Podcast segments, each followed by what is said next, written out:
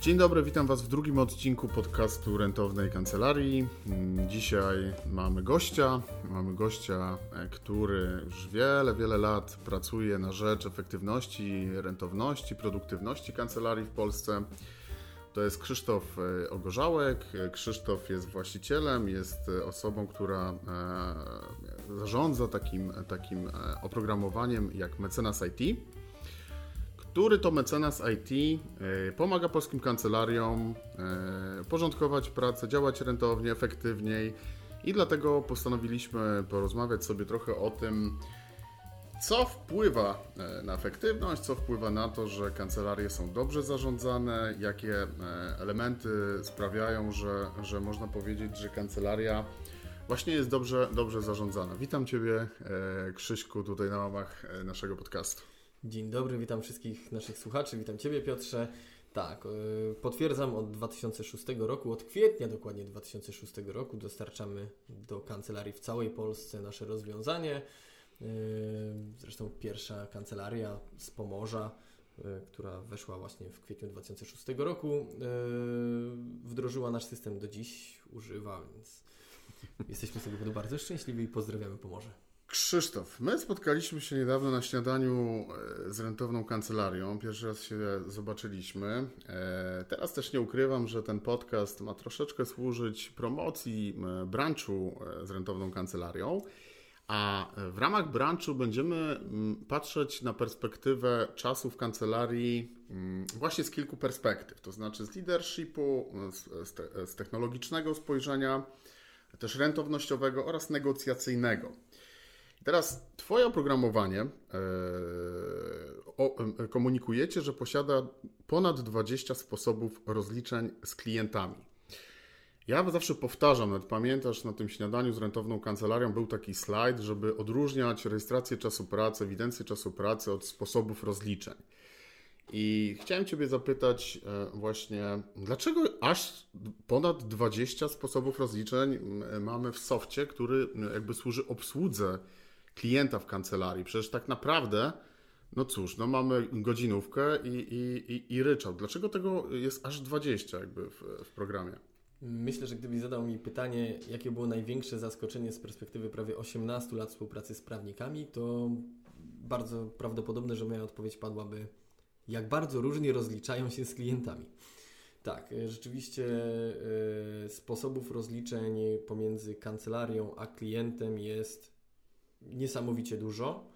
E, te, które mamy ujęte w systemie e, w wersjach e, podstawowych, to są takie, które są rzeczywiście powtarzalne. Oprócz tych, które mamy uwidocznione, jeszcze mamy klientów, którzy mają uszyte w ogóle na miarę jeszcze inne sposoby rozliczeń pomiędzy sobą a ich klientami. Wspomniałeś o godzinówce, tak, oczywiście godzinówka. Oczywiście ryczałt za sprawę ale mamy bardzo wiele innych zmiennych, które e, chociażby w naszym systemie można policzyć. To są oczywiście ryczałty z limitami godzin e, plus przekroczenia. Te, te limity godzin mogą być rozliczane miesięcznie, kwartalnie, sześciomiesięcznie, czteromiesięcznie. Też bardzo różnie się firmy pomiędzy sobą umawiają kiedy jest e, ta stop klatka i rozliczamy ilość przepracowanych godzin. Nie zawsze jest to miesiąc. E, mamy chociażby opłaty za stawiennictwo na rozprawie takie ryczałtowe, e, plus na przykład za czas trwania, albo tylko ryczałtowe, tylko za czas trwania. Mamy success fee. E, można byłoby bardzo długo naprawdę wymieniać. Rzeczywiście to mnie kiedyś zaskoczyło, jak bardzo różnie prawnicy się rozliczają.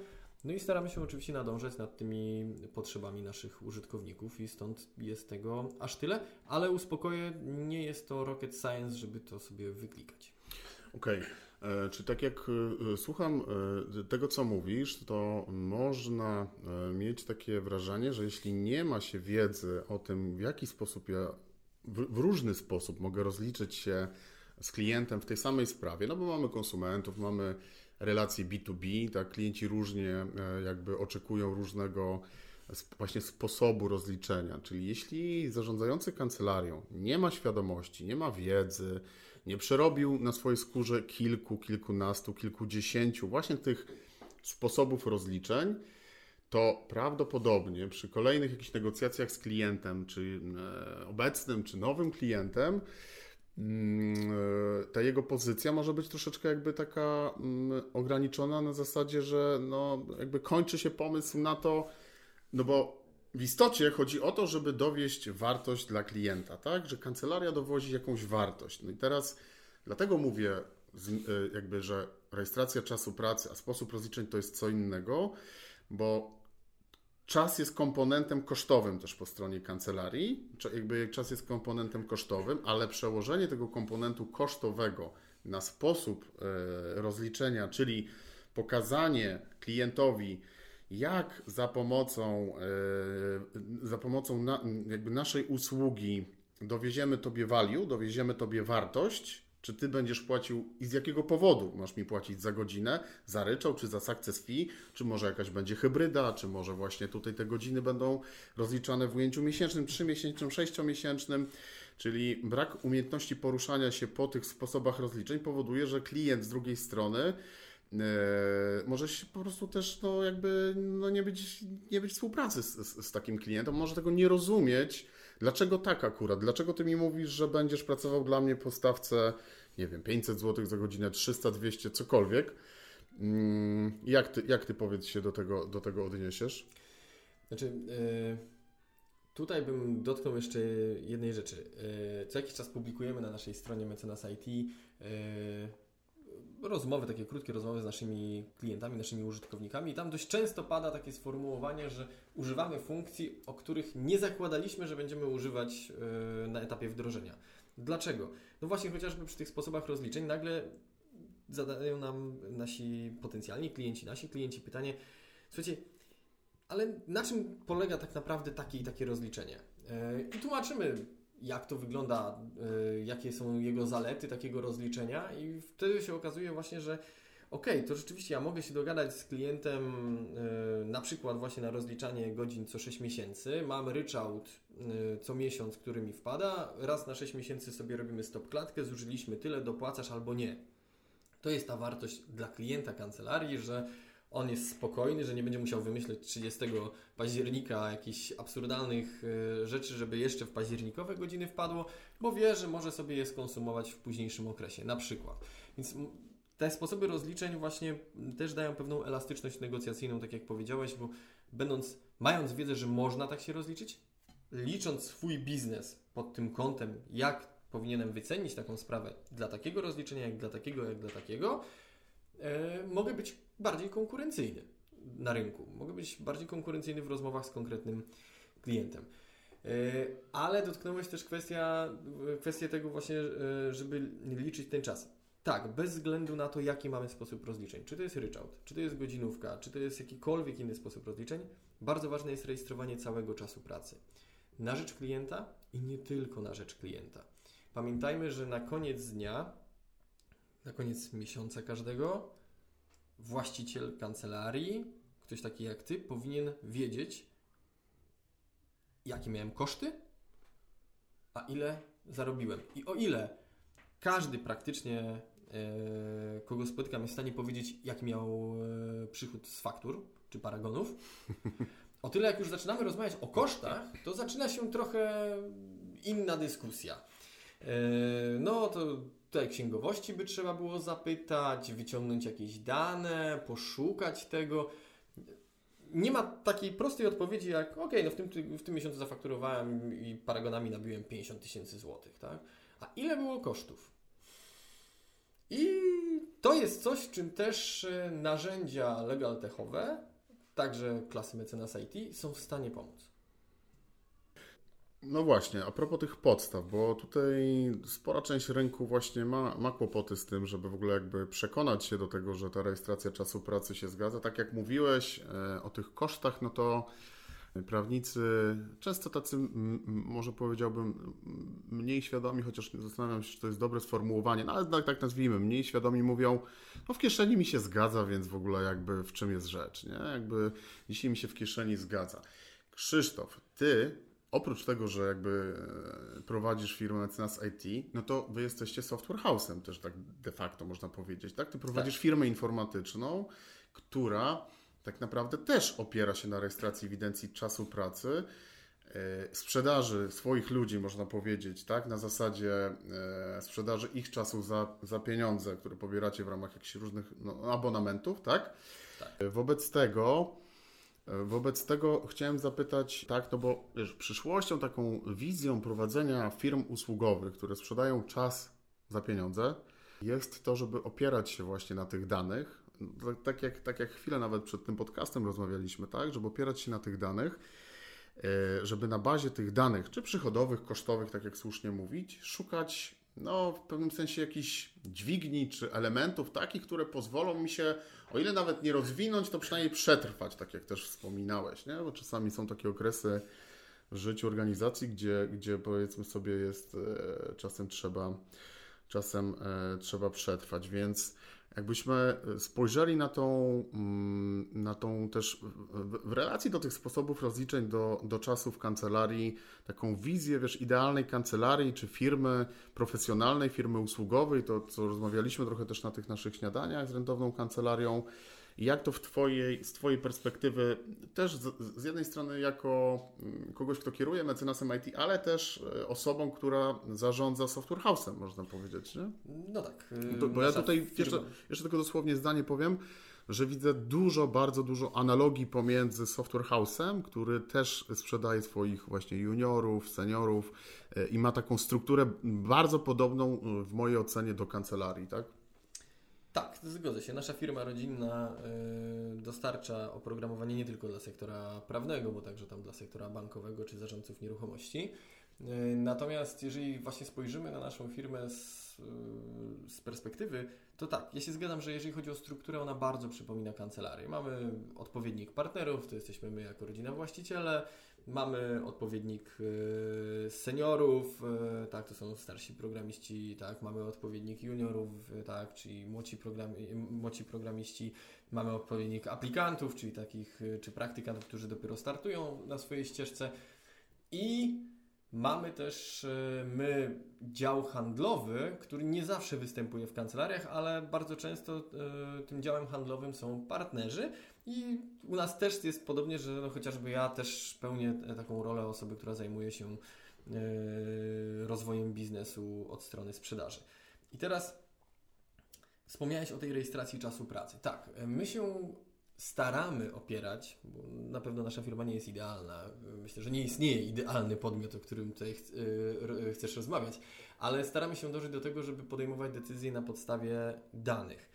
Co to dla mnie oznacza? Znaczy, wszyscy moi ludzie rejestrują czas pracy. Oczywiście to nie jest tak, że rejestrujemy wyjście do toalety, bo to też e, nie o to chodzi, tak? E, nie można popadać z jednej skrajności w drugą skrajność. Natomiast rejestrujemy czas pracy, rejestrujemy czas nad projektami, rejestrujemy sobie e, wszelkie poślizgi, czyli jeżeli na przykład zakładałem, że będę programował daną rzecz tyle i tyle czasu, czyli na, w odpowiedzi, nie wiem, kancelarii na przykład pisał pozew 3 godziny, a pisałem go 6, to też sobie ten czas oczywiście rejestrujemy, ale po drugie staramy się na swoim weekly omawiać, dlaczego coś zostało mocno niedoszacowane albo przeszacowane, bo to w każdym kierunku potrafimy się mylić i jedno to jest pomyłki, że czegoś nie doszacowaliśmy, czy coś przeszacowaliśmy, ale drugie to jest właśnie omówienie i postaranie się znalezienia przyczyny, bo przyczyny potrafią być bardzo różne. Ktoś mógł mieć po prostu zły dzień. Ktoś mógł y, mieć awarię sprzętu, która wydłużyła y, na przykład czas realizacji. A może nie doceniliśmy problemu. To też się zdarza. Natomiast na tej podstawie, jeżeli wykonujemy sobie na przykład, nie wiem, E, integrację, robiliśmy swego czasu na przykład integrację z e-nadawcą Poczty Polskiej i to był taki projekt, którego nie doszacowaliśmy, jeżeli chodzi o czas pracy wewnętrznie. E, po analizach wyszło nam, że no niestety ta dokumentacja, którą otrzymaliśmy od partnera zewnętrznego, nie do końca była idealna, że nie do końca się zgadzała ze stanem faktycznym. Przecież niejednokrotnie dostajecie dokumenty od klientów, e, ich opinie na temat sprawy, a potem w dokumentach odnajdujecie coś zupełnie innego, ale wycenę robiliście na podstawie ich opinii, przeważnie, a nie zawsze macie dostęp do wszystkich dokumentów. E, potem się okazało, że ta współpraca też z partnerem była trudna, wymagała bardzo wielu telefonów, bardzo wielu maili, czekało się czasami po 3-5 dni. Myślę, że każdy prawnik przeżył to ze swoim klientem. Ale planując kolejne połączenie z podobną instytucją, już zupełnie inaczej sobie y, wyceniliśmy wewnętrznie tą pracę. Akurat tam się okazało, że tam było trochę lepiej, więc jeszcze została nam poduszka godzinowa, y, której nie wykorzystaliśmy. I pomimo tego, że te prace nie były fakturowane na żadnego z klientów, bo był to rozwój naszego systemu, to te dane zostały zebrane. I teraz dlaczego? Po pierwsze, no mamy jakiś plan. Wiemy, ile chcemy dowieść nowych rzeczy w naszym systemie, ile, ile, nie wiem, Państwo chcecie złożyć pozwów, zrobić, nie wiem, fuzji przedsiębiorstw, jakie macie przero moce przerobowe. I teraz, żeby wiedzieć, jakie de facto mamy moce przerobowe, to wyceniając te usługi dla klienta, musimy się na czymś oprzeć. W dużej mierze w Polsce opieramy się na intuicji. Tylko ta intuicja potrafi być niesamowicie zawodna. Ale jak już mamy kilka case'ów i rzetelnie zarejestrujemy ten czas pracy, łącznie z rozmowami telefonicznymi, z wymianą mailową, to może się okazać, że projekt, który cashowo wyglądał fajnie, nie wiem, 40 tysięcy wpadło nam na konto, tak jak wspomniałeś, e, na koncie wygląda nieźle, no to na koniec dnia mieliśmy stawkę efektywną 150, 100 zł, yy, czy nie daj Boże jeszcze, jeszcze niższą. W efekcie może się okazać, że albo nie będziemy brali już takich case'ów w przyszłości, bo możemy ich nie chcieć, albo zupełnie inaczej będziemy je sobie wyceniać wewnętrznie, zanim złożymy ofertę klientowi. Klient może tego nie przyjąć, może przyjąć oczywiście to jest sprzedaż. Natomiast Wy będziecie mogli tą wycenę oprzeć na danych. Jasne. E, pamiętam po zakończeniu tego pierwszego śniadania z rentowną kancelarią, w kuluarowych rozmowach bardzo fajnie opowiadałeś o tym, w jaki sposób budżetujesz e, sprawy. Planujesz przyszłość jakby danych, danych projektów, danej sprawy. Myślę, że to może być wartościowe, dla naszych słuchaczy, bo dzisiaj z tym, o tym nie, bardzo niewiele się mówi. To znaczy, żeby jakby projektować właśnie na podstawie danych te zasoby, które będą nam potrzebne do, do tego, aby tą sprawę jakby skutecznie zakończyć i, nie, i żeby ona, ona, była, ona była e, rentowna. Myślę, że elementem tego, tej projekcji, tego e, jakby planowania, jak, jak sprawy mogą, jak sprawa może się toczyć, są te sposoby rozliczeń, o których dzisiaj staramy się mm, złapać taki, taki fokus na, na to, że, że sposoby rozliczeń są jakimś ważnym elementem w tej, w tej całej układance. Jak, jak byś do tego podszedł? Też tak, żeby móc sobie budżetować projekt, czy to jest projekt sądowy, czy niesądowy, to co, pracę dla klienta, no nie mówimy tutaj o, nie wiem, krótkiej opinii 15-minutowej, tak, bo ją też trzeba wycenić, ale powiedzmy, no nie budżetujemy, nie robimy z tego y, jakiegoś dużego bloku. Natomiast jeżeli wpadają nam y, większe sprawy, no to musimy sobie pierwsze y, przewidzieć mniej więcej ile czasu one mogą trwać. Następnie trzeba przypisać ile i w jakich mniej więcej momentach. Oczywiście nie jesteśmy w stanie wskazać idealnie kiedy tak, będziemy potrzebowali, ale wiemy, że na etapie wstępnym z naszego doświadczenia wynika, że będziemy musieli poświęcić 20 godzin. Na etapie pierwszej instancji to powinno być około nie wiem, 60 godzin i tak dalej, i tak dalej. Rozpisać to sobie w jakimś timeline. Oczywiście nie, że w maju będę miał na pewno rozprawę, bo tego nikt nie wie. E, no ale jesteśmy w stanie to jakoś tam sobie rozplanować. I teraz, jak to mamy, to teraz wyjdźmy jeszcze od kosztów, które poniesiemy, czyli wynagrodzeń naszych pracowników, które e, będziemy musieli zapłacić za te godziny. W naszym systemie Mecenas IT teraz w październiku e, pojawi się, pojawia się nowa funkcjonalność, możliwość zarejestrowania pensji pracowników w różnych sposobach. E, pensja, godzinówka, ryczałty, premie jednorazowe itd., tak które pozwolą nam e, później generować odpowiednie dane właśnie do raportów pokazujące średnią stawkę za godzinę, którą osiągamy w, na danym kliencie. Stawkę efektywną. Tak. Dodatkowo yy, można zarejestrować koszty stałe przedsiębiorstwa. I teraz, jak mamy na przykład, przychodzi nas klient z dużym projektem i wiemy, że no, chcemy wycenić ten projekt, wyceniamy, znamy już mniej więcej, szacujemy liczbę godzin, wiemy, kto będzie to robił, więc możemy przypisać koszty jego te, prowadzenia tej sprawy, bo wiemy na przykład, że danemu prawnikowi płacimy 60 zł za godzinę na przykład, a będzie tych godzin strzelam 100 dla równej matematyki, yy, tak, a chcemy zebrać z tego 50 tysięcy. To teraz 50 tysięcy złotych wydaje nam się, że to jest dobra cena, żeby klient taki projekt u nas zamówił. Tylko co te 50 tysięcy złotych oznacza? To nie jest tak, że od 50 tysięcy odejmiemy pensję pra- prawnika i hura, już wszystko wiemy. To tak nie działa, bo jeszcze mamy koszty przedsiębiorstwa.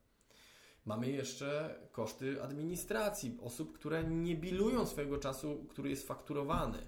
Tak? Yy, Osoby w sekretariacie. No, powiem szczerze, nie kojarzę, żeby ktoś fakturował godziny na przykład skanowania dokumentów yy, jakichś yy, bezpośrednio. Pośrednio właśnie tak, ale nie bezpośrednio. Mhm. I teraz, jeżeli mamy te 50 tysięcy, a nasza firma powiedzmy, że yy, przynosi nam milion złotych rocznie, tak? Plan sprzedaży jest na milion złotych rocznie, Mhm. to teraz wszystkie koszty miesięczne, powiedzmy wynoszące 30 tysięcy złotych miesięcznie, musimy obliczyć sobie, ile to jest procent, te, te e, 50 tysięcy, czyli to jest 5% całego rocznego przychodu, to powinniśmy wziąć 5% rocznych kosztów stałych przedsiębiorstwa, doliczyć do czasu pracy naszego, naszych pracowników i dopiero nam wyjdą koszty, które musimy pokryć danym zamówieniem. Reszta to jest marża pierwsza, no to już wchodzimy w głębsze rzeczy. E, tak, e, nie, nie będziemy tutaj się bawić w rachunkowość, ale mamy wyliczoną tą pierwszą marżę, czyli kosztów bezpośrednich i pośrednich działania przedsiębiorstwa. Mhm. One lądują do. I od tego trzeba zacząć. Ja bardzo często widzę prawników, którzy ujmują czas pracy pracowników, ale zapominają o kancelarii. Przecież jest Okej. biuro, abonamenty telefoniczne, y, hostingi, systemy informatyczne, i, y, pensje sekretariatów itd. itd. I Rozumiem. potem jest takie Mhm. zdziwienie. Ej, no niby było dobrze. No, brałem 200 zł, płacę s- 60 komuś, niby mam 140 marży. No, mam, ale jest to tylko kawałek prawdy. Mhm. Na tym śniadaniu, którym byliśmy wspólnie, wyświetliłem taki slajd y, z tą taką tabelką utilization rate, czyli taką tabelką, która pokazała nam, y, jak przy stawce efektywnej za daną godzinę zmienia się wartość przychodu, bo to proste mnożenie. Sprzedaż 100 godzin za 200 zł to jest 20 tysięcy przychodu, sprzedaż 150 y, godzin, nie wiem, za tam 1000 zł to jest tam odpowiednia odpowiednia, odpowiedni e, wielkość przychodu. Chcę wrócić trochę jeszcze krok wstecz zrobić w związku z tym, co powiedziałeś, te 50 tysięcy 60 godzin, bo zobaczmy tam w tych 60 godzinach, ile czasu potrzebuje pracować w, tej, w tym temacie partner, ile średniej klasy specjalista, a ile aplikant czy ten tak zwany ju- e, e, junior. Dlatego, że często, i ty może, może to potwierdzi, bo ty też o tym wspominałeś, że obserwujesz coś takiego, że partnerzy jakby e, ewidencjonują dużą liczbę e, godzin, e, a podczas gdy, gdy juniorzy i ci aplikanci mm, jakby tą mniejszą liczbę godzin. W ogóle do czego ja zmierzam? Zmierzam do tego, że ten wskaźnik utylizacji pokazuje nam, jaką jakby ilość czasu jesteś na kliencie, poświęcasz temu klientowi. I teraz, jeśli weźmie, wzięlibyśmy na warsztat partnera i zobaczyli, ile czasu realnie on prze, przeznaczył dla klienta i sprawdzili sobie z przychodem, ile, cza- jakby, jaka była wartość sprzedaży tego czasu, to mogłoby nam się na przykład okazać, że ten partner zajmuje się tematami, którymi zupełnie nie powinien się znaleźć. W tej książce, która została przez Łukasza i przeze mnie przywołana, czyli e, Managing Professional e, Services e, Firm, jakoś tak Davi- Davida e, Meissnera, to on tam właśnie wskazuje na to, że mistrz nie powinien się zajmować tematami mm, no, prostymi, tak, dla ludzi, którzy, którzy, którzy powinni się zajmować e, prostymi e, e, projektami, prostymi tematami. Może nie tyle, że nie powinien, bo ja cały czas nie wiem tego, czy on powinien, czy nie powinien. Ja tylko zwracam uwagę, że on powinien mieć świadomość tego, że on przez 100 godzin, które za, jemu się wydaje, że on sprzedał, to 50 godzin ma poniżej 200 zł, gdzie on jest ekspertem, nie wiem, podatkowym najwyższej klasy w Polsce na przykład, nie? I, i, i, on marnuje czas na, na projekty, których jakby w ogóle nie powinien dotykać. Znaczy tak, yy, dotknąłeś tutaj kilku rzeczy, yy, postaram się jakoś to zebrać.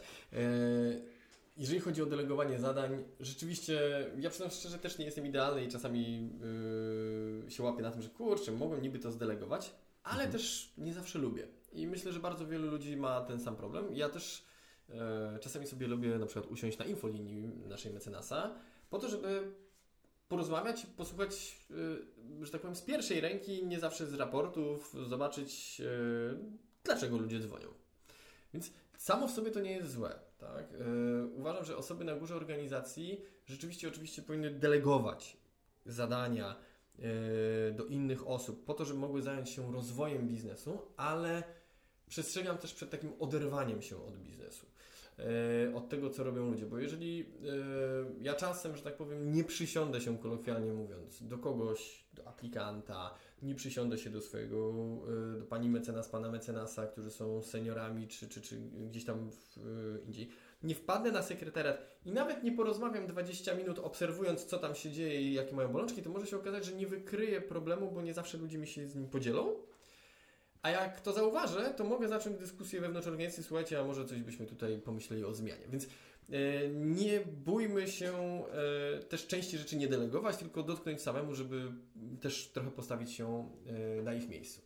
Natomiast rzeczywiście jest tak, że e, partnerzy, e, ten bilowalny, fakturowany czas pracy wychodzi statystycznie, że jest wyższy niż e, osoby, które są prawnikami czy, czy, czy aplikantami w organizacji. I tutaj mm, to jest świetne pytanie, dlaczego tak jest. Ja nie znam na to pytanie odpowiedzi. Nie, nie potrafię powiedzieć, że według mnie na pewno to jest o tak, tak, tak. Natomiast jest to zastanawiające. Przyczyn, tutaj rozmawialiśmy sobie też przed podcastem, może to jest kwestia tego, że e, partner będzie miał wyższą stawkę. Może to jest kwestia tego, że y, ludzie zajmują się innymi rzeczami, nie zawsze bilowalnymi na rzecz klientów. Y, bo też właśnie, tutaj dotknijmy może podstawy.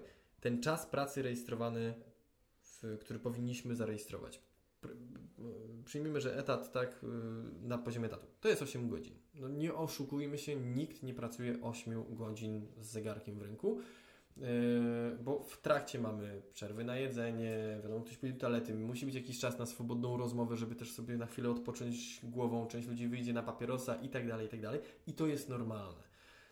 Ja u siebie w firmie przyjąłem, że ten czas rejestrowany, jeżeli jest w granicach 6,5-7, to jest super. Natomiast y, staram się, żeby to było te 6,5 pracy. Tylko pracy nie zawsze na rzecz klienta. Bo pamiętajmy, że praca to nie jest tylko to, co robimy dla klientów.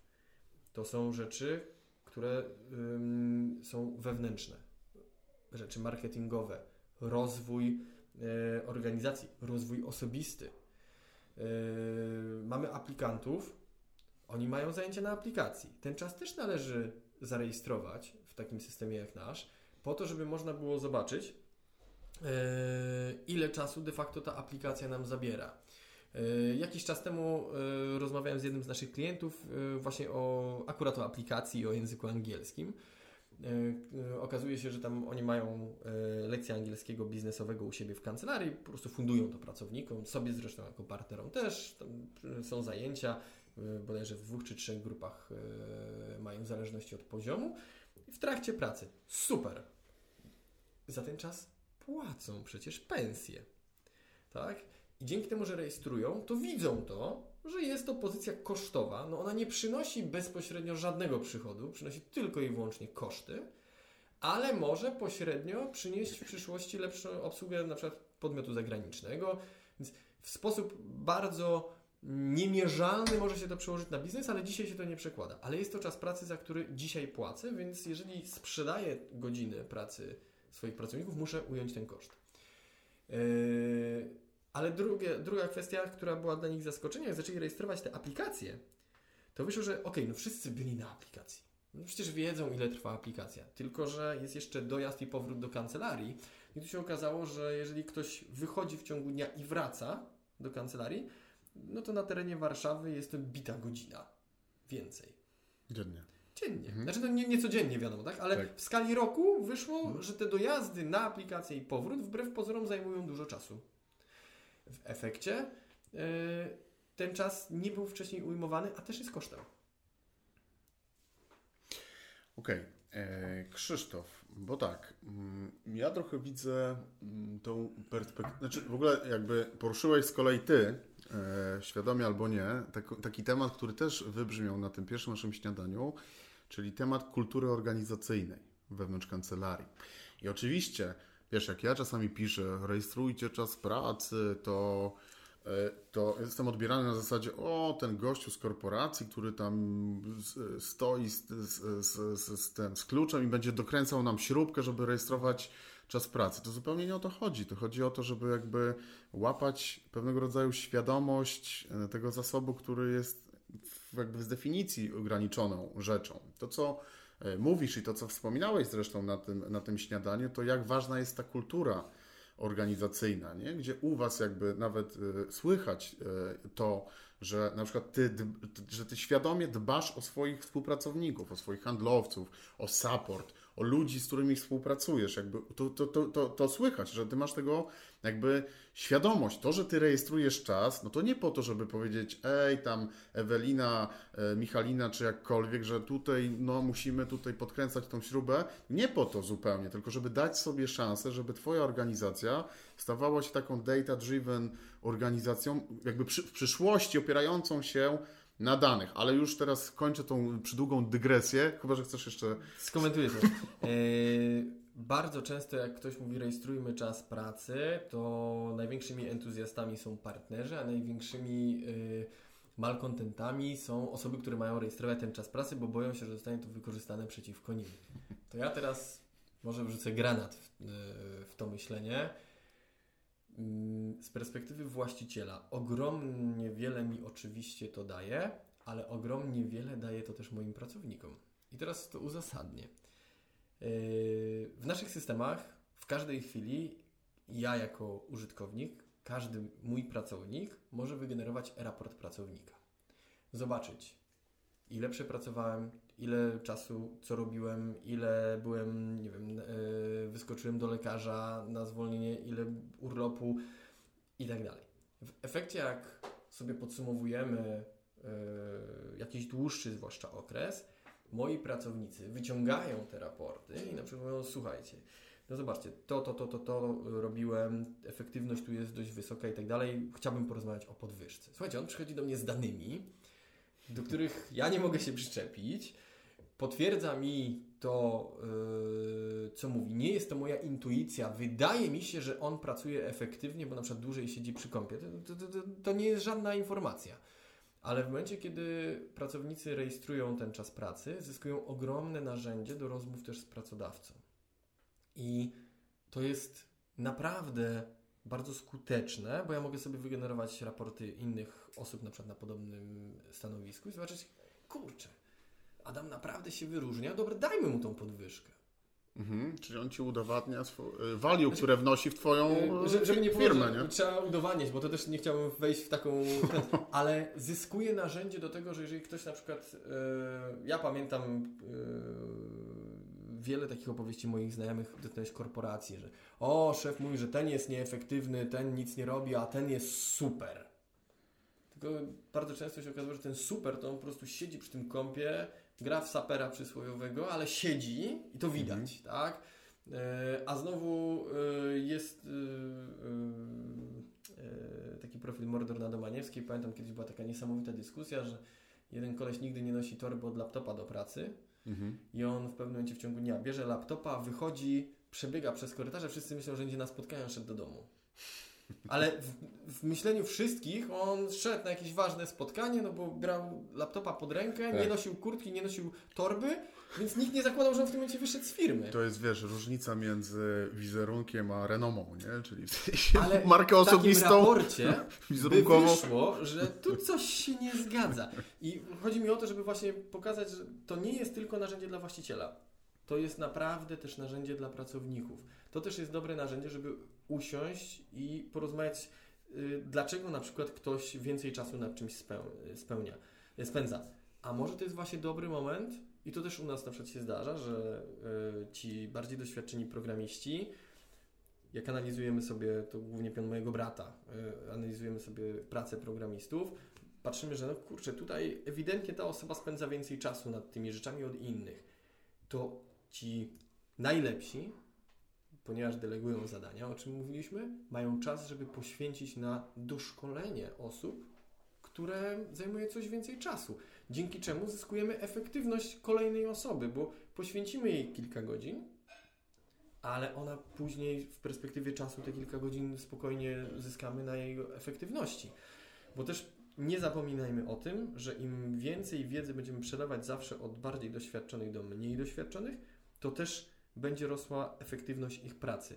A najtrudniejszą rzeczą, z którą ja się borykam u siebie w firmie i dokładnie uważam ten sam problem ma każda kancelaria, to jest skalowalność czasu. Możemy pewne rzeczy automatyzować, możemy pewne rzeczy usprawniać, natomiast najbardziej efektywnym usprawnieniem jest wzrost wiedzy, a dzięki temu szybkość yy, pracy, bo znam się już na tym, mam większą wiedzę, więc jestem w stanie to zrobić efektywniej, szybciej. Automatyzacja narzędziowa, owszem i tak. Mhm. Natomiast w pewnym momencie dochodzimy do ściany. No, prawnik nie przerobi więcej niż, nawet jeżeli będzie miał narzędzia, które mu wspomogą e, tworzenie pism i tak dalej, ale dalej nie przeskoczy bary. Trzeba zatrudnić kolejnego człowieka. I to samo mhm. jest w kancelariach. Skalowalność czasu jest skończona.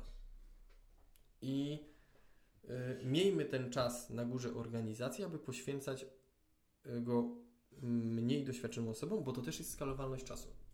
Mhm. A jak znaleźć ten czas, Krzysztof? No właśnie delegując zadania, ale też... Yy... A skąd wiedzieć, yy, żeby delegować zadania? Skąd wiedzieć, żeby delegować zadania? Ja zawsze, yy, zawsze, od jakiegoś czasu staram się pilnować tego, żeby nie oddychać przysłowymi rękawami. Czyli jeżeli widzę, że już mam za dużo na głowie, zaczynam mi nie starczać dnia, to znaczy, że jest coś, co albo w ogóle nie powinienem robić, nikt może tego nie powinien robić, bo jest to ślepy zaułek, albo trzeba to zdelegować do kogoś, kto zrobi to lepiej ode mnie, szybciej. A jak się o tym dowiadujesz? W sensie jakby robisz taką sobie, jakby właśnie bazujesz na danych i robisz sobie taką autorefleksję, taki znak znaczy, zapytania przy tym, co się dzieje w, w Ja zawsze staram sobie pobrać na koniec tygodnia swój raport pracy, bo też okay. rejestruję swój czas pracy. Czyli robisz taki rachunek sumienia, można tak, powiedzieć. Tak, patrzę, patrzę na czym spędzałem czas. Oczywiście robię to też na koniec miesiąca, bo to robimy wtedy dla całej organizacji, sobie, okay. sobie patrzymy. I zastanawiam się, czy drugi raz bym na przykład poszedł na dane spotkanie, czy drugi raz y, bym się tym zajmował, a może y, ja spędziłem, nie wiem, dwie godziny na y, rozmowie z klientem na jakiś temat, a mam super genialny, super merytorycznego opiekuna, któremu mógłbym oddać temat i wiem, że w pół godziny by wyszkolił w tym temacie klienta, zamiast ja dyskutować na kawie, lunchu i Czyli gdzieś ta perspektywa y, nie znaczy, że ten lunch był stracony, bo to jest też bardzo, bo zidentyfikowano jakiś problem. Ale niekoniecznie ja powinienem go rozwiązywać ad hoc, tak? Czyli działasz w takim frameworku, że patrzysz na perspektywę swojego planu, y, wywołujesz y, czy szukasz problemu, co ci jakby przeszkadza w tym planie. Tak, tak, to bardzo, oczywiście na poziomie takiej bardzo dużej ogólności o tym mówię. Uproszczenia, tak. Tak, uproszczenia ale jakby patrzę w perspektywie planu, szukam problemu, szukam przyczyny i wskazuję rozwiązanie, bo w rozwiązaniu będzie jakby wycięcie tych zadań, mm. które mam na, mam na chwilę obecną. Teraz jak yy, chwilę mogłem się zastanowić w trakcie tego, jak mówiłeś, to yy, gdzie można znaleźć czas? Największym złodziejem czasu i to akurat pandemia mi bardzo pomogła w naszej organizacji, w naszej firmie, to były przegadane spotkania. Zaczęliśmy robić agendę spotkań. Zaczęliśmy robić agendę spotkań, gdzie widzieliśmy, co chcemy poruszyć, Mamy swoje codzienne spotkania poranne w zespołach. Okay. Yy, mamy do tego swoje dwa razy weekly yy, w tygodniu. To jest takie dziwne weekly, bo jest dwa razy. Yy,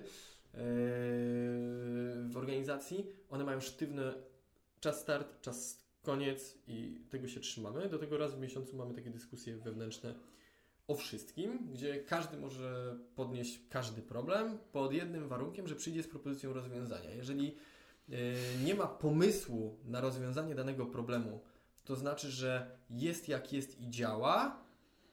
Poszukaj propozycji usprawnienia, ale to, co działa dobrze, no, czasami lepsze jest wrogiem dobrego.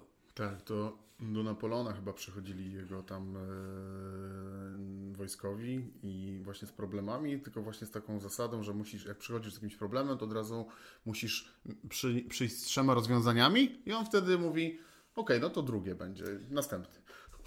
Jestem, jestem wyższy od Napoleona. Nie wiedziałem, że on tak miał, wymagam jednego. No widzisz, e, Napoleon był mm, niski, ale był wielki. Dobrze, tak. w każdym razie... Natomiast e, rzeczywiście przegadane spotkania i ten czas to był czas marnowania wszystkich. I okay. tutaj polecam chociażby, jeszcze przepraszam, jedną rzecz powiem.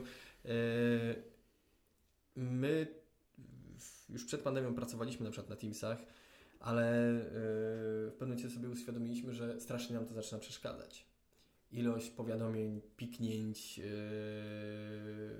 no, mnie to rozprasza, programistów to rozprasza. Mhm. Tak samo myślę, że każdego prawnika, który jest skupiony na czymś, takie pikanie szlak trafia. Więc tutaj okay. polecam dwie rzeczy. Po pierwsze, zrobić sobie y, taką silent hour w ciągu każdego dnia i najtrudniejszą rzecz wybrać sobie na tą taką cichą godzinę, gdzie wyciszamy telefon, wyłączamy się z Teamsów na kompie i rzeczywiście fokusujemy się na danym temacie. Okay. To świetnie się sprawdza. I druga kwestia, jak cokolwiek piszę na Teamsie, to u nas, yy, tak mówię, jest taka żelazna zasada. Zastanawiam się, do kogo ja chcę to napisać.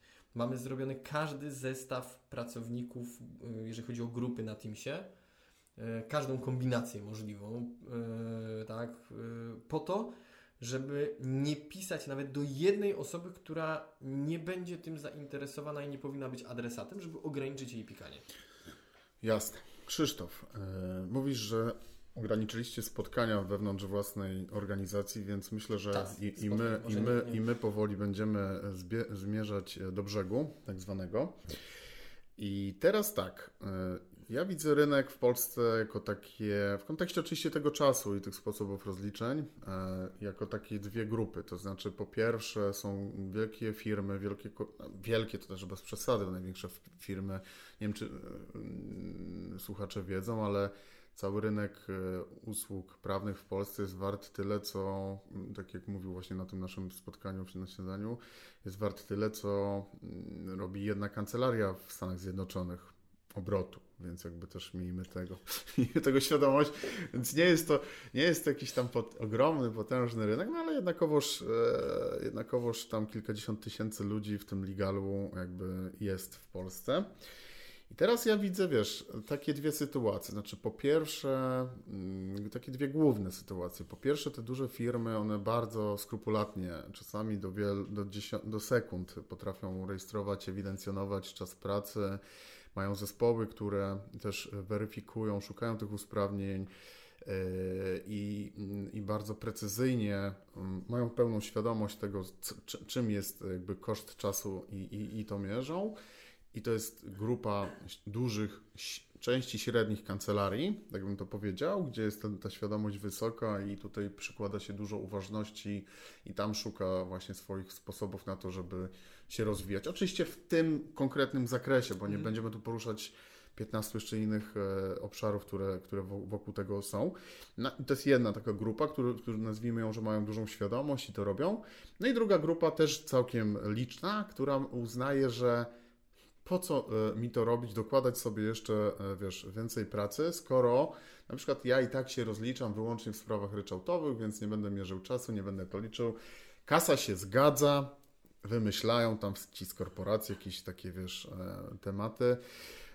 Więc jakby do brzegu idąc, chciałbym Ciebie poprosić, żebyś po prostu powiedział tym ludziom z jednej i z drugiej grupy, co z Twojej perspektywy E, byłoby istotne i ważne, mm, o co, o co zadbać, zarówno z jednej perspektywy, czyli tego klienta bardzo zaawansowanego i świadomego, ale jednocześnie, albo równocześnie, może to jest właściwsze słowo, też dla tych, którzy wchodzą na przykład na rynek, a, a w ogóle jakby nie, nie, nie, nie mają świadomości, e, o czym my tu w ogóle rozmawiamy, bo ten poziom dyskusji w mojej ocenie jest e, stosunkowo jakby yy, i też chcę być dobrze zrozumiany, wysoki na zasadzie takiej, że no, no, no, no, no nie wszyscy, oczywiście jak ktoś startuje i wiesz, ma nie wiem, 2-3 lata jest na, na rynku, to no w ogóle jakby połowy może nie rozumieć, o czym my tu rozmawiamy też, nie? Wiesz tak, pierwsza rzecz, yy, ja nie wymagam od nikogo bycia mistrzem Excela, żeby sobie to liczyć i właśnie między innymi po to robimy nasze oprogramowanie, żeby nie trzeba było być mistrzem Excela.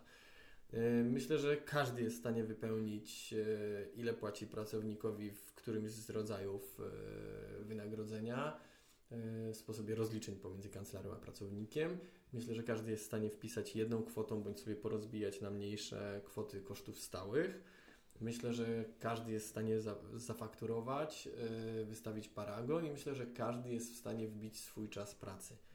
Resztę zrobi mecenas IT. Mhm. On da Ci te dane na podstawie tego, co wpiszesz. Tylko zasada jest jedna. Trzeba być konsekwentnym i rzeczywiście rejestrować ten czas pracy. Im więcej włożysz, tym więcej wyjmiesz. Bardzo często słyszymy to zdanie też od naszych użytkowników. Natomiast tak jak podsumowałeś to, ja chciałem zacytować jednego z naszych klientów. Akurat wczoraj, wczoraj mhm. e, opublikowaliśmy w naszych social mediach właśnie jedno z case study naszych klientów, który e, myślę, że idealnie spuentował to, o czym dzisiaj cały czas rozmawiamy. Mecenas Piotr Grabowski z e, Grabowski i partnerzy e, użył takiego zdania. Nasze decyzje stały się pewniejsze, mają uzasadnienie w liczbach i danych. Tak podsumował mhm. wdrożenie naszego systemu. Właśnie te decyzje odnośnie kancelarii, bo nie mówimy tutaj tylko o e, aspekcie konkretnego klienta i jego wyceny, ale globalnie stały się pewniejsze, ponieważ zyskali w perspektywie czasu dane i liczby, o których tutaj rozmawiamy. Dzięki temu mniej intuicyjnie, a więcej yy, decyzji jest podejmowanych na bazie doświadczeń, ale takich właśnie twardych doświadczeń, a nie. Kurczę, wydaje mi się, że w listopadzie zeszłego roku było dobrze. Okay. Tak? Dzięki temu yy, inaczej się prowadzi biznes. To nie jest oczywiście recepta sukcesu. Tak, tak. Bo to nie jest tak, że o, tutaj nagle przyszedł ogorzałek do, do Piotra i znalazł złotego grala biznesu. Nie. Natomiast jak ja patrzę na swoją firmę z perspektywy 18 lat, to czasami się tak uśmiecham z moim bratem, to jak my ją prowadziliśmy te 17-16 lat temu, jak my nie mieliśmy pojęcia tak, o pewnych rzeczach, a dzisiaj sobie nie wyobrażamy, żeby nie mieć danych takich i takich. No da się, da się. Oczywiście, że się da. Ludzie tak funkcjonują po dziś dzień przecież. Natomiast ja czuję się lepiej z tym, że podejmuję decyzje na danych, na liczbach, bo wydaje mi się, że to jest lepsza droga. Hmm, to perspektyw... I nieważne, czy zaczynasz, czy, czy, czy jesteś yy, średnią, dużą organizacją. Yy, no, ja powiem tak, no nie, nie jestem też jakimś wielkim zwolennikiem mierzenia co do sekundy, bo okay. żadna skrajność wydaje mi się nie jest dobra. Yy, trzeba gdzieś yy, odnaleźć siebie przede wszystkim w tym systemie, tak? Yy, natomiast wiem, że jak mantra, jak jakiś zły sen powraca twierdzenie rejestruj czas na bieżąco, nie rób tego na koniec miesiąca i tak dalej. Wydaje się to już męczące słuchanie tego, natomiast naprawdę ma to sens, bo te dane wtedy nie będą zniekształcone i dadzą nam właśnie większą pewność, jak to mecenas Piotr Grabowski powiedział. Jasne. E, Krzysztof, mam takie, e, takie przekonanie, że mm, po, w trakcie naszej rozmowy mm, zarysował się ludziom, którzy tego słuchają, pewien zestaw, pewien zestaw takich praw, które są uniwersalne, niezależnie czy ty jesteś jedno solo jedno, jednoosobową działalnością, czy prowadzisz 250 osobową e, spółkę prawniczą, tak, czy firmę prawniczą, dlatego że no, czy, czy jedna osoba, czy 250 osób tam można mm, badać, w moim przypadku, tak, tę rentowność, czy powiedzmy sprawy, czy rentowność klienta, czy rentowność e, pracownika, e, starać się jakby opierać na danych i na podstawie tego, tak jak Twój klient powiedział, tak, bo dla niego ta, ta wiedza jest pewnego rodzaju, tak jak słuchałem, takim narzędziem, takim trochę fundamentem, e, informacją, która plasuje go w takim bezpiecznym miejscu, że on e, podejmując e, decyzje na przyszłość związane ze, ze swoim rozwojem, będzie miał szansę oprzeć się właśnie na, na prawidłowości, na prawdziwości danych, a nie wziąć je po prostu z sufita. Z. Tak, jeżeli na przykład no, w przypadku tej kancelarii oni zajmują się w dużej mierze firmami rodzinnymi. Nie wiem, no teraz jest na przykład boom na e, fundacje rodzinne. No jeżeli zrobiliśmy już trzy fundacje i wiemy ile nam to zajęło, to dużo pewniej wycenimy czwartą, piątą, szóstą, ósmą i dziesiątą, tak? Okay. I właśnie to jest praca na danych, że gdzieś przestajemy działać intuicyjnie, znaczy nie przestajemy, ograniczamy intuicję, która potrafi nas mylić, bo więcej mamy twardych danych. Hmm. Dobrze, Krzysztof, kończymy i e, zrobimy taki drobny product placement, ponieważ chcę Cię poprosić o dwie rzeczy. Po pierwsze, żebyś powiedział, jak z Twojej perspektywy mm, wyglądało to nasze pierwsze spotkanie, jeśli chodzi o, o śniadanie z rentowną kancelarią. I jak Ty się zapatrujesz też na taką aktywizację trochę mm, tej branży legal w kontekście właśnie tego typu spotkań, jeśli chodzi o, o, o no teraz planuję 4 listopada zrobić ten brunch od Focku, tak? Czyli jakby spojrzeć z czterech perspektyw na to, co dzisiaj trochę o tym opowiadamy, tak? Bo ta Twoja perspektywa, ona się jakby przenika trochę z technologią, trochę z, właśnie z leadershipem, trochę z kulturą organizacji, e, trochę z negocjacjami też, a właśnie e, myślę sobie, że warto byłoby pogłębiać te tematy z ekspertami, tak, żeby każdy jakby pokazywał swoją perspektywę, bo jeśli na przykład, e, wiesz, ty nie masz przekonania do tego, żeby ten czas rejestrować, to żadna technologia ci nie pomoże. Po prostu nie, nie, nie, nie, nie, nie przejdziesz tego. Jeśli masz mindset taki, że a, cóż tam, e, jakby kasa się zgadza, w kieszeni się zgadza, jedziemy dalej. I dopóki tego nie, nie zrozumiesz, nie, jakby nie, nie, nie będziesz miał świadomości, to żadna technologia, czy jakieś tutaj tematy nie wiem, rentownościowe, negocjacyjne, czy jakkolwiek inne, one, one nie będą miały szansy zaistnienia. Dlatego uważam, że warto jakby to e, pogłębiać po prostu i, e, i, i, i edukować się i budować świadomość w, ram, e, jakby w ramach ludzi, którzy myślą podobnie, bo na tym śniadaniu byli właściciele zarządzający kancelariami. Te problemy były zbliżone. W kuluarach właśnie skąd się w ogóle wziął tytuł, że be label or not be label. Stąd właśnie z rozmów kuluarowych, nie? że nagle ludzie zaczęli rozmawiać, co ja mogę sprzedać, czego ja nie mogę sprzedać. I na tym tle jakby pojawiało się dużo, e, dużo dyskusji, dlatego postanowiłem nazwać to nasze drugie spotkanie właśnie tym tytułem. Jak ty to oceniasz, jakby z jednej strony to śniadanie, e, a z drugiej strony taką próbę moją też e, wyciągnięcia ludzi i takich spotkań, po prostu też, też, też budowy networku w, w tej branży legal? Znaczy, e, spotkań, gdzie można się wymienić jakąś wiedzą, nigdy nie jest za mało. Oczywiście pojawią się ci, którzy będą chcieli się pojawić, będą chcieli tą wiedzę uzyskać, więc jak najbardziej jestem za. Jeśli chodzi o spotkanie, to mogę wrzucić jedną łyżkę dziegciu. Proszę bardzo. dopracowałem agendę bo rzeczywiście okay. to spotkanie gdzieś się rozeszło. Znaczy, ono było właśnie bardziej kuluarowo e, rozmowy niż jakiś tam z, e, przygotowana agenda, która e, pilnowałaby nas też jako uczestników mm -hmm. do tego, żeby trzymać się konkretnego tematu. Trochę skakaliśmy z tych tematów na tematy, tak. więc tutaj e, wrócę, wrócę do swoich doświadczeń. Dobra agenda, myślę, że tutaj mm -hmm. też usystematyzowała to. Wydaje mi się, że jeszcze dobrze byłoby, jak już będziemy mieli, wiedzieli, że dane osoby są uczestnikami, to też spróbować się dowiedzieć, mm, o jakim poziomie rozmowy y, powinniśmy tutaj, do, jaki poziom powinniśmy dotknąć, bo też to, co zauważyłem na tym śniadaniu, były osoby, które, dla których pewne rzeczy były oczywistością mhm. i były takie osoby, które chłonęły całkowicie tak. podstawy. W związku z tym też wydaje mi się, że tutaj warto byłoby y, w tej agendzie znaleźć i dla jednych, i dla drugich y, mhm. wartość merytoryczną. Y, natomiast zdecydowanie jestem zwolennikiem, żeby wychodzić z tej swojej strefy komfortu i jednak rozmawiać o tym jak najszerzej. Wiedza jest rzeczą bezcenną. Ja powiem szczerze, może jestem z branży IT, ale ja jestem zmęczony onlinem i bardzo się cieszę, że, że jest coraz więcej wydarzeń offline'owych i, i gdzieś tam e, nie mówię o tym, żebyśmy powrócili w ogóle do offline'u, bo to jest niemożliwe i też bym tego nie chciał, bo wygodnie jest być, e, nie wiem, w Rzeszowie, a za 15 minut na spotkaniu w Gdańsku. To jest bardzo wygodne, ale jestem też zwolennikiem tego, żeby raz na jakiś czas jednak wyjść i spotkać się w offline. Mhm, potwierdzam to, co mówisz, e, ale wiesz, z czego to e, może wynikać? Z tego, że ty jesteś bardzo, wiesz, świadomą osobą, nie? Prowadzisz tą firmę 18 lat, mierzysz ten czas, no, jesteś e, kreatorem w ogóle, tak? Mecenasa IT, więc jakby. No, Jednym z. No ale jakby no, właścicielem, ale rozumiesz, jakby twoja, twoja świadomość jest bardzo e, zaawansowana.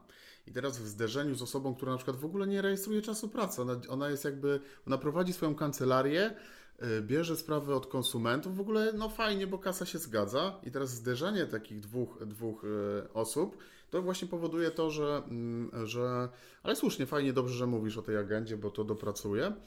E, ale powiedz, a czy coś wyniosłeś jakby takiego wartościowego, merytorycznego dla siebie oprócz, e, oprócz, oprócz e, no, śniadania, po prostu jedzenia, networku Żeby było jasne, i jakiejś tam wiedzy? Śniadanie wyniosłem w brzuchu, nie w kieszeni. Aż tak źle nie jest. Czy, jest jaka, czy jakaś, wiesz, czy jakiś value zostało w tobie, bo ty, no bo jakby zawodnika mamy, wiesz, no player klasy A, w sensie jakby, wiesz, no e, to, to jest... Znaczy, z każdego spotkania, z każdej rozmowy czegoś można się nauczyć. Znaczy, to co y, na pewno ja wyniosłem, hmm? to to, że to zainteresowanie sztuczną inteligencją jest, jest strach jakiś przed tą sztuczną inteligencją, E, jest też chęć e, okiełznania tej sztucznej inteligencji, natomiast mam wrażenie, że to jest jeszcze wszystko na takim bardzo początkowym etapie. E, w dużej mierze właśnie opiera się na intuicji, a nie na, na tym, czy rzeczywiście ta sztuczna inteligencja może, nie może nas wyprzeć. Ja akurat okay. uważam, że przynajmniej ta generacja sztucznej inteligencji nie wyprze tak łatwo prawników. Zresztą wspominałem na śniadaniu, moja żona jest doradcą podatkowym i Yy, no, obecne generacje sztucznej inteligencji yy, no, leżą na łopatkach przy, przy naszym systemie podatkowym, interpretacjach, nieinterpretacjach, więc yy, wydaje mi się, że prawnicy naprawdę długo mogą spać spokojnie. Oczywiście będą takie elementy techniczne, które y, będą usprawnione, natomiast y, ja myślę, że spokojnie. Większym problemem jest y, to, że y, rynek y, obecnie przechodzi jakieś perturbacje i to mhm. jest moim zdaniem większe wyzwanie i na nim bym się skupiał na miejscu pracowni y, właścicieli kancelarii, że gospodarka gdzieś tam jest w lekkiej zadyszce i tak będę Ci powiedzieć, trochę przetrwania tych czasów, tak. niż zajmowałbym się tym, jak teraz ta sztuczna inteligencja wyrzuci mnie z rynku. Myślę, że ten problem może będziemy mieli, ale nie w perspektywie tak. dwóch, czy trzech, czterech, pięciu lat. Okej, okay, super, dzięki, że się podzieliłeś tym. Tam e, bardziej chodziło o to, że mm, w ramach żmudnej, powtarzalnej pracy w kancelariach, zresztą tak jak wasz system, tak, on też automatyzuje, szablonuje pewne tak, rzeczy, generatory przyspiesza. To już jest. Y, y, rzeczywiście gdzieś y, to wybrzmiewało na tym śniadaniu, ale też od jakichś 3, 4, 5 miesięcy gdzieś tam słyszę, że sztuczna inteligencja zabije właśnie e, prawników, kancelarii, które zajmują się powtarzalnymi sprawami. Jestem, jestem gotów posta postawić orzechy przeciw kasztanom, że tak nie będzie, e, ponieważ generatory dokumentów, nie, teraz nie jestem w stanie, ale wydaje mi się, że nasz generator dokumentów ma 7-8 lat i jakoś inne kancelarie istnieją bez mecenasa, czyli da się. Ci, którzy używają generatorów dokumentów, no to po prostu szybciej je generują. E, kilka kliknięć i mają gotowe e, pozwy, wezwania, uzasad... wnioski o uzasadnienia i tak dalej, to tych, tych, wzorów może być naprawdę multum, które są automatycznie generowane. I to dało pewien handicap niektórym, natomiast nie zabiło rynku e, pozostałego, więc myślę, że bardzo podobnie będzie ze sztuczną inteligencją. E, a też jeszcze przestrzegam przed jedną rzeczą, takim zachłyśnięciem się sztuczną inteligencją pod kątem e, też bezpieczeństwa danych, bo to jest coś, co e, też gdzieś jest poruszane, ale wydaje mi się, że nie dociera tak szeroko jak fakt istnienia tej sztucznej inteligencji i bawienia się czy to czatem GPT, czy czymś innym, mhm. że jednak przetwarzacie jako prawnicy bardzo wrażliwe dane i no, pamiętajmy, że klienci mogą sobie nie życzyć, żeby te dane lądowały w, e, na przykład w takim czacie GPT. A co ważne, jeżeli już chcecie użyć, przebadać, to pamiętajmy o tym, że trzeba mieć zgodę klienta. A obawiam się, że wielu z nas o tą zgodę nie wystąpiło. Dobrze, słuchajcie, kończymy tą mm, sympatyczną rozmowę. Bardzo miło było mi Cię gościć, Krzysztof. E, cieszę się, że udało nam się porozmawiać. Liczę na to, że dowieziemy jakiś value dla ludzi, w sensie zarówno dla tych bardzo zaawansowanych i świadomych tego, o czym my tutaj rozmawiamy, jak i dla tych, którzy słuchają nas jak jakichś dinozaurów, po prostu ludzi, którzy opowiadają jakieś niestworzone historie, używają czasami trudnych słów. Mam nadzieję, że mam nadzieję, że udało nam się jakoś to objaśnić na zasadzie takiej, żeby każdy to zrozumiał. E, przyjmuję tę uwagę odnośnie agendy i właśnie mm, Krzysztof 4 listopada e, będzie jednym z prelegentów na branchu rentownej kancelarii, który odbędzie się w Otwocku w pięknym takim pensjonacie Nowy Górewicz. Naprawdę są śliczne okoliczności przyrody, bo oprócz tego, że chcę dzielić się tą wiedzą merytoryczną, budować network między nami, między ludźmi, którzy się tym interesują, no to chcę też zadbać o takie walory w stylu właśnie spędzenie czasu, jakiegoś wytchnienia, bo uważam, że e, czas na refleksję taką strategiczną, fundamentalną jest też bardzo ważny. I ty akurat masz świadomość tego, ale wiele osób pędzi jak ten przysłowiowy chomik w kołowrotku i trzeba tam włożyć kijek i powiedzieć ej, stop, bo nie, nie, e, nie zmieniałeś stawek od 10 lat na przykład. Bo, bo dlaczego nie zmieniałeś? No, bo nie miałem świadomości, nie wiedziałem. Dlatego ten branch jest też takim tym kijem właśnie e, do kołowrotka niektórych oczywiście prawników, tak? I, i jak najbardziej e, dokręcimy śrubkę, jeśli chodzi o tę agendę, o inne aspekty też tutaj w ramach rentownej kancelarii zadbamy. Zapraszam słuchaczy. W opisie tego odcinka będzie link do tego, żeby się e, zarejestrować i wykupić swój udział. I już e, chyba nie przedłużając, ja ze swojej strony ślicznie chcę podziękować za Wasz czas, za Waszą uważność. E, jeśli dotrwaliście do tego momentu, jeśli Krzysztof chcesz coś na koniec powiedzieć, to. Tak, to... i także bardzo dziękuję za rozmowę. Zapraszam Was zarówno na branch, jak i jeżeli byście chcieli porozmawiać ze mną, znajdziecie mnie na LinkedInie, na Facebooku. Yy, nie zamykam się przed rozmową, zapraszam, piszcie. Chętnie się z Wami podzielę swoją wiedzą, jeżeli uznacie, że chcecie. Jasne. Do usłyszenia w takim razie. Dzięki. Dzięki.